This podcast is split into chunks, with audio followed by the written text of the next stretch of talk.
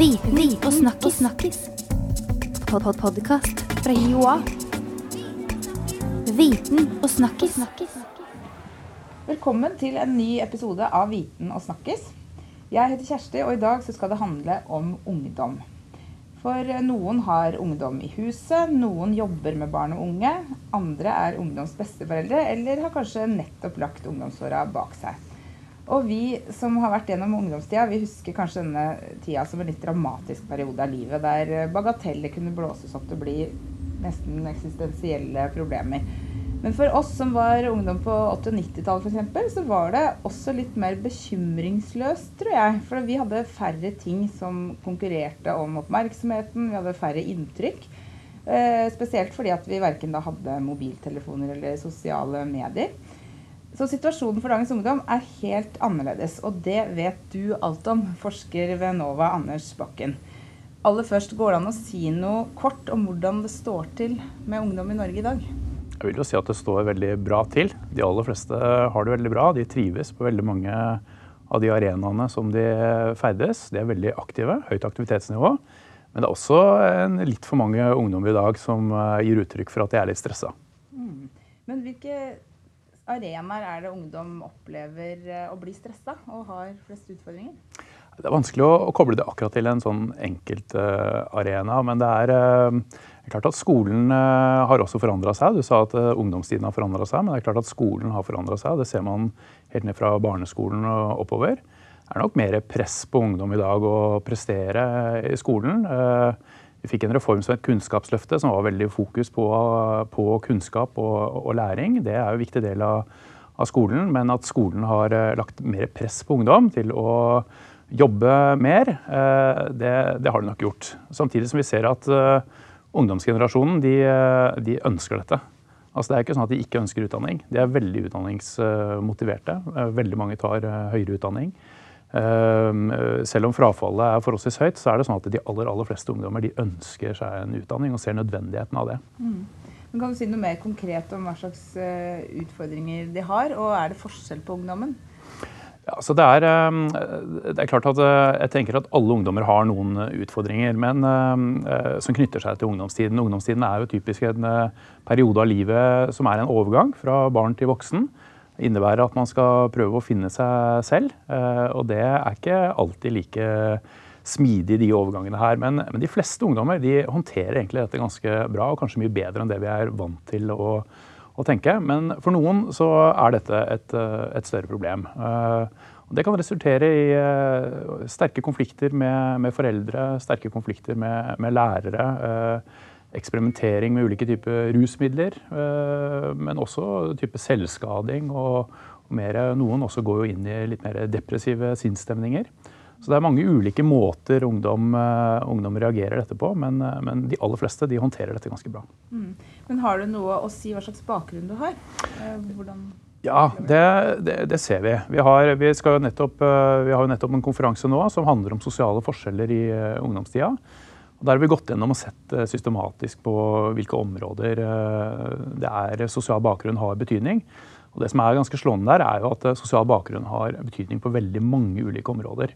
Selv har jeg drevet mye med skoleforskning og har jobbet mye med skolekarakterer. Og der ser vi jo at på det området er det jo veldig, veldig store forskjeller. Men jeg ble kanskje litt overrasket når jeg gikk litt mer systematisk inn i dette og så at også f.eks. sånne ting som forholdet til foreldrene ser også ut til å variere mellom ulike sosiale lag.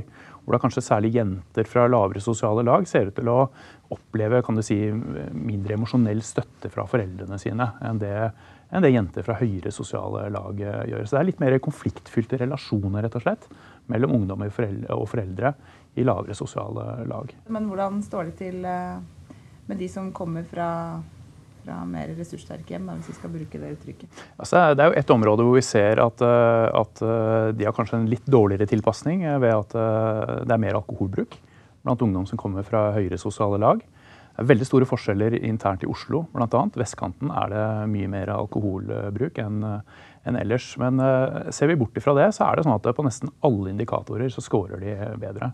De har bedre psykisk helse, de gjør det bedre på skolen. De har faktisk også flere av ungdommene desto høyere sosiale lag har flere, har flere venner også. Eh, Mindre mobbing. eh, er, eh, de trives bedre på skolen. Så det er egentlig, På hele fjøla egentlig, så er de hva skal jeg si for noe, mer veltilpassa og faktisk mer fornøyde. Du, det sitter jo sikkert uh, noen lyttere der ute som er uh, foreldre til ungdom og, ja, eller har et ansvar for ungdom i en annen, uh, en annen relasjon.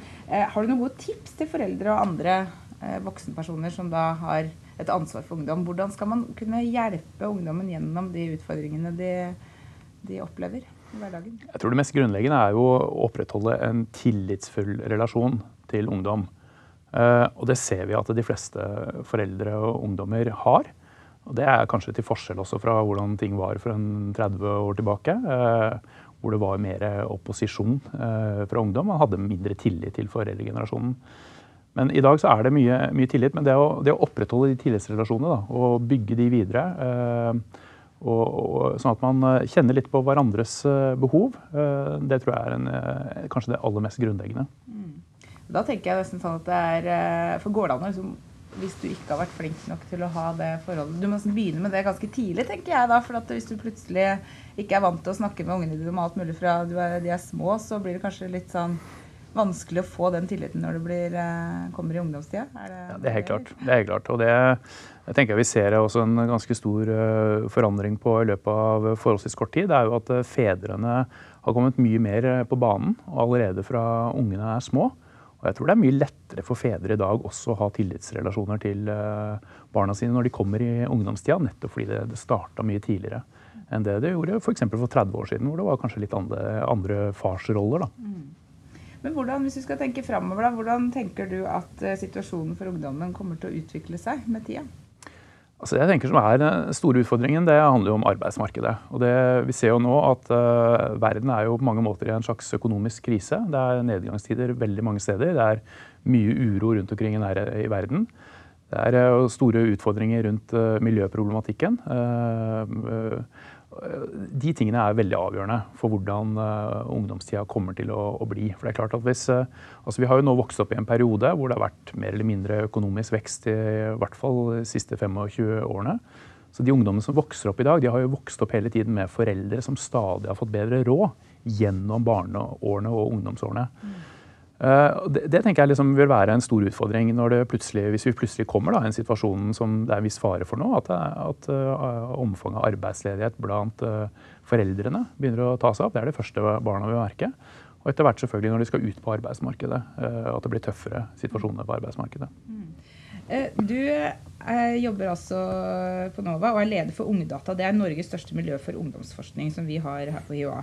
Og det er jo dere som samler inn all denne dataen da, som, som utgjør, utgjør, dette kunnskapsgrunnlaget. Kan du si litt mer om hvordan dere jobber? Hvordan samler dere inn denne informasjonen? Altså, vi er jo i en utrolig heldig situasjon, eh, en unik situasjon som forskere, ved at vi har eh, over 400 kommuner som ønsker å få kunnskap om sin ungdom og bruker det verktøyet som eh, Ungdata er, for å samle inn den typen eh, kunnskap.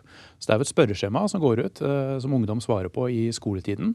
Det er også fordelaktig for oss, fordi vi får veldig høye svarprosenter. Så vi har jo i hvert fall altså mellom 80 og 90% av ungdommene rundt omkring i norske kommuner som er med, de er med på, på Ungdata. Så det er jo en viktig del av det, at vi samler inn data fra, fra ungdom. Og det er jo også en, er veldig viktig å bruke ungdom som kilde da, til å få kunnskap eh, om ungdom. Istedenfor at vi bare skal observere, men at også ungdom får lov til å gi uttrykk for sine meninger og, og fortelle hva de holder på med. Mm. Og så samler dere resultatene og oppsummerer og systematiserer. Og så blir det forskningsrapporter eh, og, og ny kunnskap. Men hva gjør man da videre med denne kunnskapen?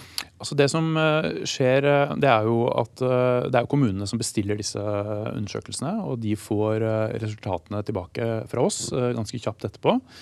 Og da ser vi at i veldig mange kommuner så settes i gang mange prosesser, interne prosesser i kommunen, hvor man først går inn og analyserer. Hvordan ser situasjonen ut? Er det noen spesielle ting? Er det kanskje noen overraskende ting som kommer fram her? Noen ting vi jobber med, jobber med spesielt. Og det vi ser er jo at I mange kommuner så bruker man f.eks. resultatene fra Ungdata til å, å, sørge for at man får en ny helsesøsterstilling, eller at man uh, kanskje får opp igjen kinoen, eller uh, at man styrker idretten uh, etc. Så man bruker resultatene aktivt for å, for å, sette i gang ulike typer tiltak. Da. Mm. Så Det er jo en viktig del av uh, Ungdata-konseptet. At det blir satt i gang prosesser, politiske prosesser ute i kommunene. Mm. Men så er det også sånn at uh, Ungdata, når det samles inn i mange kommuner, så får vi også nasjonale resultater. Så også nasjonale myndigheter bruker disse resultatene inn i handlingsplaner og stortingsmeldinger etc. For, uh, for politikkutforming på nasjonalt nivå. Da. Mm. Så det er kjempeviktig arbeid dere gjør for samfunnet, rett og slett. Ikke bare for ungdommen, men ja. Um, til slutt, med alt det du da vet om ungdom i dag, Tror du det var lettere å være ungdom eh, før i tida, eller når jeg var ungdom da, enn det er nå? Jeg tror faktisk det var eh, litt lettere eh, på en del områder. Men, eh, men, det er alltid vanskelig å sammenligne tider, selvfølgelig. Det er ikke sikkert det var like lett eller på 60-70-tallet hvis det var veldig kraftig opposisjon til foreldre og, og voksensamfunnet. Det å håndtere det er kanskje ikke alltid så lett, det heller. Sånn sett så er det lettere kanskje å være ungdom i dag. Men, men, jeg tror det som er vanskeligere for ungdommer i dag, er at eh, de har utrolig mange muligheter. Veldig, veldig mange valgmuligheter. Og det å, å vite helt hva man skal velge, det tenker jeg liksom er en, eh, kanskje en av de større utfordringene for ungdom i dag. Tusen takk til deg, Anders Bakken. Og flere episoder av Viten og snakkesbloggen den finner du da i din eh, podkast-app eller på blogg.hia.no viten og snakkes. Jeg heter Kjersti Thoresen, så håper jeg vi høres senere. Viten og snakkes. snakkes. Pod -pod Podkast fra Joa. Viten og snakkes. snakkes.